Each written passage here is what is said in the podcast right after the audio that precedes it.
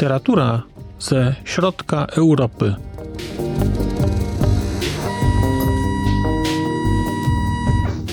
Podcast około książkowy.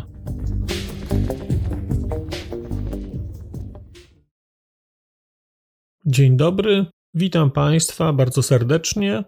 Marcin Piotrowski, podcast około książkowy, znak litera człowiek. Chciałem dzisiaj podzielić się z Państwem refleksją na temat książki Mateja Chorzawy Palinka. Książka jest sprzed kilku lat, z roku 2017. Wydały tę książkę książkowe klimaty, a jest to książka w przekładzie pani Anny Radwan-Żbikowskiej. Patrzyłem na tę książkę w książkowych klimatach od dosyć dawna i jakoś nigdy nie miałem chęci, żeby po nią sięgnąć. Opowieść o Czechu, który żyje w Rumunii, przez długi czas była poza moimi granicami tego, czego szukałem w literaturze czeskiej. No i kiedy teraz zdecydowałem się po tę książkę sięgnąć, to odkryłem wyjątkowej urody, wyjątkowej urody perełkę. Bo Palinka to jest literacka perełka. To jest coś niedużego. Właściwie to nie jest powieść. Można byłoby powiedzieć, że to jest zbiór opowiadań. One się na najwyższym poziomie jakoś ze sobą łączą, ale one łączą się raczej klimatem, one łączą się raczej sposobem narracji niż klasycznie rozumianą akcją. Matej Chorzawa dostał za tę książkę w roku 2013 Magnezję Literę, najważniejszą czeską nagrodę literacką. No, jedną z najważniejszych czeskich nagród literackich. Dostał tę nagrodę za debiut. I rzeczywiście muszę powiedzieć, że jest w tej książce coś wyjątkowego. Nie jest to z pewnością typowa książka z literatury czeskiej. Nie ma tutaj tego czeskiego humoru. Ta książka jest przepełniona melancholią, przepełniona tęsknotą i przepełniona rodzajem tragizmu, którego doświadczamy, kiedy opuszczamy albo zostajemy przez kogoś opuszczeni i staramy się coś z tym zrobić. Całkowicie przypadkowo, ale ta książka wpisuje mi się w kontekst tych książek, które czytałem czeskich ostatnio. Czyli chociażby książek Markety Pilatowej, gdzie wątek emigracyjny, wątek wyjazdu, opuszczenia jest wyraźnie obecny. Tutaj on jest także obecny. Palinka to jest opowieść o Czechu, który mieszka w Rumunii, w Banacie. To jest kraina geograficzna Rumunii przy granicy z Serbią, gdzie mieszkają między innymi Czesi. Od dosyć dawna, od stuleci właściwie, mieszka tam jakaś mniejszość czeska. Główny bohater tej książki jest tam nauczycielem. Uczy czeskiego, pojechał rodaków uczyć czeskiego. I kiedy zaczynałem czytać tę książkę, to spodziewałem się kolejnej książki, która będzie opisywała trudności życia w Rumunii. Nawet nie przyszło mi do głowy, że można napisać książkę o Rumunii, która nie będzie wprost odnosić się do epoki Czałszewsku. Tymczasem Palinka to jest książka, która jest całkowicie poza wszelką polityką. To jest książka o zwyczajnych ludziach, zwyczajnej miejscowości i zwyczajnym życiu. Jednocześnie wątki rumuńskie, które tutaj są obecne, właściwie ta rumuńszczyzna, pojawia się na poziomie geograficznym, pojawia się na poziomie pojedynczych zdań, gdzie jakieś dzieciaki mówią coś po rumuńsku, albo gdzieś bohater jedzie i pojawiają się rumuńskie miasta, Timișoara na przykład. Tak naprawdę obserwujemy tutaj bardzo poetycki i melancholijny obraz życia w takiej zapomnianej przez Boga i wszystkich miejscowości. Ale ta Rumunia to nie wszystko, bo bohater do tej Rumunii trafia on się tam nie urodził. Główny bohater urodził się w Czechach. Później wyjechał do Czech Południowych, do Brna. Później stamtąd wyjechał do Niemiec na studia i później po tych studiach, jak można mniemać, przyjechał do Rumunii. Ta cała historia nie jest opowiadana w sposób linearny. Tej historii będą się Państwo domyślać, będą sobie ją Państwo układać, bo będziecie dostawać co jakiś czas takie fragmenciki, które będą czymś w rodzaju refleksji bohatera. Bo Palinka to jest zbiór opowiadań, z których każde jest opowiadaniem teoretycznie o Rumunii i o teraźniejszości, o tym życiu na wsi, ale tutaj nie ma teraźniejszości bez przeszłości. I każde opowiadanie, każde opowiadanie jest szansą na to, żeby opowiedzieć coś, co wydarzyło się kiedyś, żeby opowiedzieć coś o relacjach, żeby opowiedzieć o relacji z siostrą, z którą nie widziało się kilkadziesiąt lat, o tym, jak dorastają jej dzieci, których się nie zna. To są historie o tym, jak było się w szkole podstawowej, jak było się w szkole średniej. To są historie o miłości, o kobietach, o przyjaźni, Teraźniejszość nie funkcjonuje tutaj bez przeszłości. A przeszłość nigdy nie jest opowiadana bez kontekstu teraźniejszego. Wydaje mi się, że to jest siła prozy Mateja Chorzawy. Właśnie takie splecenie, właśnie takie przemieszanie. Bo opisy przyrody rumuńskiej wsi przywołują w bohaterze zdarzenia z jego przeszłości. Przywołują spacery z babcią, przywołują lasy, w których się wychowywał, przywołują leśników, przywołują znajomych, ale to wszystko zawsze jest wyzwalane przez to, co dzieje się obecnie. Palinka to jest opowieść o samotności. To jest opowieść o zmaganiu się ze swoim losem, o ciągłej ucieczce. Ucieczce chyba przed samym sobą, bo bohater nie umyka tutaj przed kimś. On raczej coś ściga, on raczej coś goni, on raczej stara się coś złapać, ale nie wie co. Przepięknie to jest napisane. Przepięknie. Bardzo mi odpowiada styl pisania Mateja Chorzawy. Bardzo mi odpowiada wrażliwość, która tutaj jest pokazana. Z rzeczy, które czytałem i o których opowiadałem, Wydaje mi się, że do jakiegoś stopnia blisko byłoby tej książce do parochii. To była taka opowieść o życiu na rumuńskiej prowincji. Natomiast taką refleksją, takim pewnego rodzaju stoicyzmem łączyłaby mi się ta książka z księgą Gaju Laurowego Billy Hanwasza. To porównanie byłoby tutaj odległe i jest odległe, ale gdzieś coś tutaj takiego wyczuwam. Rodzaj jakiejś wrażliwości. Ta książka jest bardzo pięknie napisana i wydaje mi się, że trudno o niej mówić, nie dając Państwu szans posmakowania tego. Dlatego zdecydowałem się, że przeczytam Państwu jedno opowiadanie. Te opowiadania tutaj to są bardzo krótkie formy.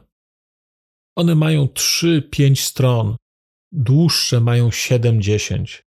Natomiast to są krótkie formy, i wszystkie dziedziczą gdzieś taki rodzaj wrażliwości, której za chwilę będziecie mogli spróbować. W opowiadaniu Dom na brzegu Matej Chorzawa pisze tak. Tę pocztówkę mam zawsze na stole, gdziekolwiek jestem. Zdobiła stoły moich przejściowych domów i stoły hoteli i hotelików. Jest na moim stole również tutaj, za okiennicami szumi pełnią swojej urody bujna bałkańska wiosna, ale ja siedzę w przyciemnionym pokoju i patrzę na pocztówkę. Podłużna, czarno-biała pocztówka. Fotografia samotnego domu. Domu stojącego na brzegu wzburzonego morza. Szarość chmur i dali. Ostra biel spienionych fal, jakby czekających, by ten dom znagła pochłonąć połknąć, pożreć. Pocztówkę dostałem tej wiosny, której uciekłaś.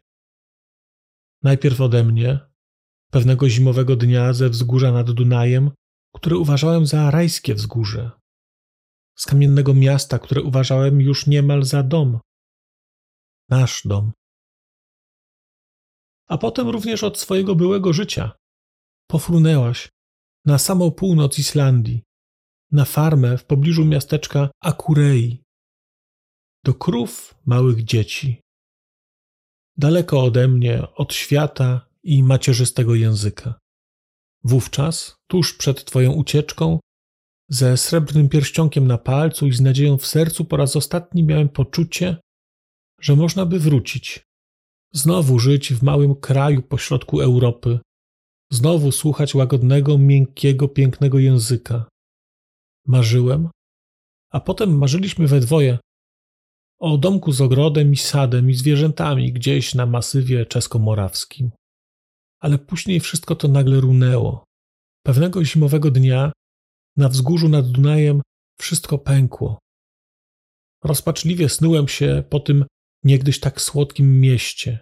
Niemiecki zaczął mnie uwierać. O dziwo, nie bardziej niż macierzysty język. A potem, pewnego dnia, znalazłem w skrzynce twoją islandzką pocztówkę. Ten dom opuszczony przez wszystkich i wszystko, miotany przez żywioły, wydany na ich litość i brak litości. Patrzyłem na niego każdego wieczoru w pokoju na poddaszu kamiennego bawarskiego miasta. Ten pokój znał Twój głos, Twoje włosy, Twój uśmiech. Patrzyłem na niego każdego wieczoru w hotelach podczas mych szalonych podróży. Patrzę na niego każdego wieczoru również tutaj, gdy czasem się za Ciebie modlę. Patrzę na niego również teraz. Za oknem szum wiosny i życia. Ludzie chodzą kopać i harować na polach. Kwiaty bujnieją. Bzy już szykują się do wybuchu, a po nich nadejdzie groza robinni. Już wkrótce, już wkrótce. Ale teraz wpatruję się w czarno-białe zdjęcie i nagle wydaje mi się, że mój dom nie stoi pośród rozkwitłych zboczy pełnych morw, jabłoni, orzechów i pikw. Mam poczucie, że ten szum to nie błogi szum bałkańskiej wiosny, ale narastający szum oceanu, bezlitosnego, białego, śmiertelnie białego oceanu. Trzęsę się ze strachu w tym opuszczonym domu. Nie jest podobny do mojej banackiej białej chałupy o błękitnych okiennicach i turkusowej bramie. W ogóle nie jest podobny. A jeszcze mniej podobny jest do naszego wymarzonego domu w masywie czesko-morawskim. Łoskot kamieni przewalanych przez wodę, łoskot fal i wiatru pochwyconego przez fale w ich wodne szpony i pogrzebanego pod powierzchnią. Łoskot przypływu, który nie chce się zatrzymać.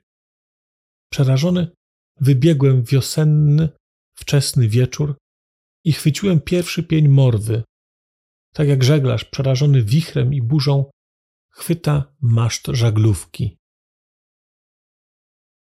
I to jest dosyć typowe, jeżeli mogę pozwolić sobie na ten kolokwializm, opowiadanie, które w książce Palinka Prozy z Banatu Państwo znajdziecie. Bardzo poetyckie. To są długie zdania. One są podzielone na mniejsze całości średnikami. To są długie zdania ze zdaniami wtrąconymi, jakimiś nawiasowymi, ale wszystko jest takie poetyckie. Właściwie każde, każde opowiadanie kończy się tutaj wielokropkiem, z wyjątkiem kilku, dosłownie kilka nie kończy się w ten sposób, ale z kolei te, które nie kończą się wielokropkiem, kończą się albo bardzo krótkimi zdaniami, zdaniami jednowyrazowymi albo dwuwyrazowymi, takimi głośnymi, wyraźnymi akordami, a wszystkie inne kończą się wielokropkiem, one się rozpływają. To jest też taki zabieg stylistyczny, który nadaje tej książce takiej jakiejś lekkości, nadaje tej książce dodatkowej melancholii, nadaje tej książce takiego waloru dodatkowego przemyślenia rzeczy, refleksji czy autorefleksji. Mam wrażenie, że ta książka jest bardzo prawdziwa. Wydaje mi się, że Matej Chorzawa opisuje tutaj w dużym stopniu siebie. Nie wiem, czy tak jest. Natomiast ten rodzaj refleksji, który tu jest pokazany, i ta pierwszoosobowa narracja, regularne powracanie do pewnych wątków, wydaje mi się, że to raczej nie jest przypadek. I ta głębia, która z tej książki przebija, głębia uczuć, głębia samotności do jakiegoś stopnia, próba odnalezienia siebie, próba znalezienia miejsca dla siebie, że to są rzeczy, które są autorowi bardzo dobrze znane, bo one nie są opisane na poziomie zdarzeń. One są opisane na poziomie uczuć, one są opisane na poziomie zastanawiania się nad sensem rzeczy. To jest bardzo piękna książka. To jest bardzo piękna książka o samotności, o obowiązku, trochę też o miłości do takiego prostego życia, ale również o trudnościach tego życia. Bardzo poruszający jest tutaj taki rozdział, w którym dowiadujemy się, co znaczy mieć gorączkę w zimie w tych górach Banatu. Kiedy, jeżeli człowiek nie ma siły, żeby wyjść, narąbać drzew i napalić, a główny bohater mieszka sam i sam to musi zrobić, jeżeli jest chory, no to ryzykuje, że ten dom mu zamarznie i on też w nim zamarznie. Ale jest to opisane wyjątkowo pięknie. Tutaj właściwie każde opowiadanie, każdy rozdział wynosi na nowy poziom taką poetyckość, wynosi na nowy poziom refleksję o swoim kraju, który gdzieś został, refleksję o swojej przeszłości. To jest wszystko bardzo piękne i miałem wrażenie, że być może ta książka jest mi dlatego bliska, że napisał ją mężczyzna i wydaje mi się, że chyba ten rodzaj wrażliwości gdzieś widziałem u Hajczka. To nie jest do tego stopnia, ale u Mateja Chorzawy także pojawia się wątek na przykład nadawania drzewom imion. To, co było u Jerzego Hajczka, o czym wspominałem chyba przy okazji książki Ryba Krew, tutaj też się pojawia wątek tego, że drzewa mają imiona, te dzieciaki chodzą na konkretne drzewa. Ta palinka bardzo mi się podobała. Bardzo. To znaczy, czytałem tę książkę i ona mnie właściwie wprowadzała w taki nastrój trochę melancholijny. To jest napisane bardzo pięknie. Jednocześnie ta książka była dla mnie zaskoczeniem o tyle, że spodziewałem się czegoś zupełnie innego. Spodziewałem się książki w stylu domu Kata Andrzej Tąpy, w której będę poznawał życie jakiejś tam społeczności w kontrze trochę do Rumunii. Tymczasem tutaj dostaję życie społeczności, dostaję opis bałkańskiego świata, ale tu nie ma żadnej kontry. Tu w ogóle nie ma świata poza. Jest świat tylko tej małej lokalnej społeczności, która żyje według własnych reguł, która przekazuje sobie od kilkuset lat jakieś przedmioty, jakieś elementy ubrania, które się cały czas nosi. I ta książka, mimo że nie trafiła w moje oczekiwania, to być może dlatego je tak znacząco przekroczyła.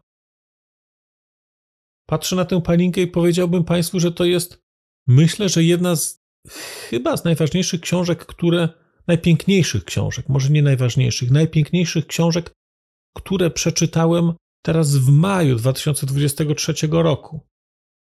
Bardzo, bardzo duże zaskoczenie, bardzo, bardzo piękna książka. No polecam Państwu bardzo, w szczególności jeżeli lubicie takie klimaty właśnie trochę melancholijne.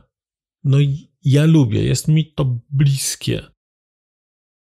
Są tu przepiękne opowieści o miłości, o utraconej miłości, odrzuceniu, o pocałunkach, ale także o szkole, ale także o życiu. Niedużo tego jest. To jest 180 stron, kilkanaście opowiadań po kilka stron mających, ale całość na mnie zrobiła bardzo duże wrażenie. Bardzo duże wrażenie taką koherencją. To jest bardzo spójne, bardzo prawdziwe, bardzo szczere. Dlatego śmiało Państwu tę książkę polecam. Matej Chorzawa, Palinka prozy z Banatu. Bardzo zachęcam Państwa do przeczytania do poczucia tej melancholii Czecha mieszkającego w Rumunii i gdzieś szukającego trochę swojej tożsamości, zadającego sobie pytanie, kim jest, gdzie będzie mieszkał, co będzie robił. Bardzo Państwu dziękuję za uwagę, dziękuję za wysłuchanie. Zapraszam do komentowania, zapraszam do dzielenia się refleksjami na temat palinki, ale nie tylko. Ja powrócę do Państwa już wkrótce. Przez mikrofon mówił do Państwa Marcin Piotrowski. Do usłyszenia.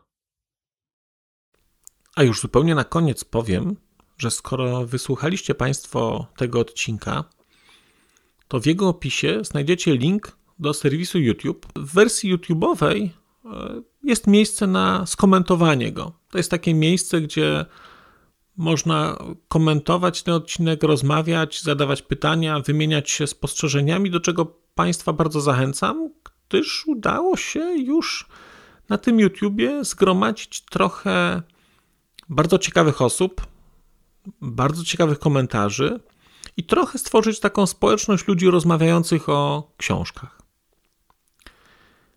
Też na koniec, zupełnie na koniec, e, poproszę Państwa o wystawienie oceny mi w ramach e, tych platform podcastowych, na których Państwo tego odcinka wysłuchaliście. I nieważne jaka ta ocena będzie, istotne dla mnie po prostu, że będzie. Tymczasem się żegnam już naprawdę i do usłyszenia za czas jakiś.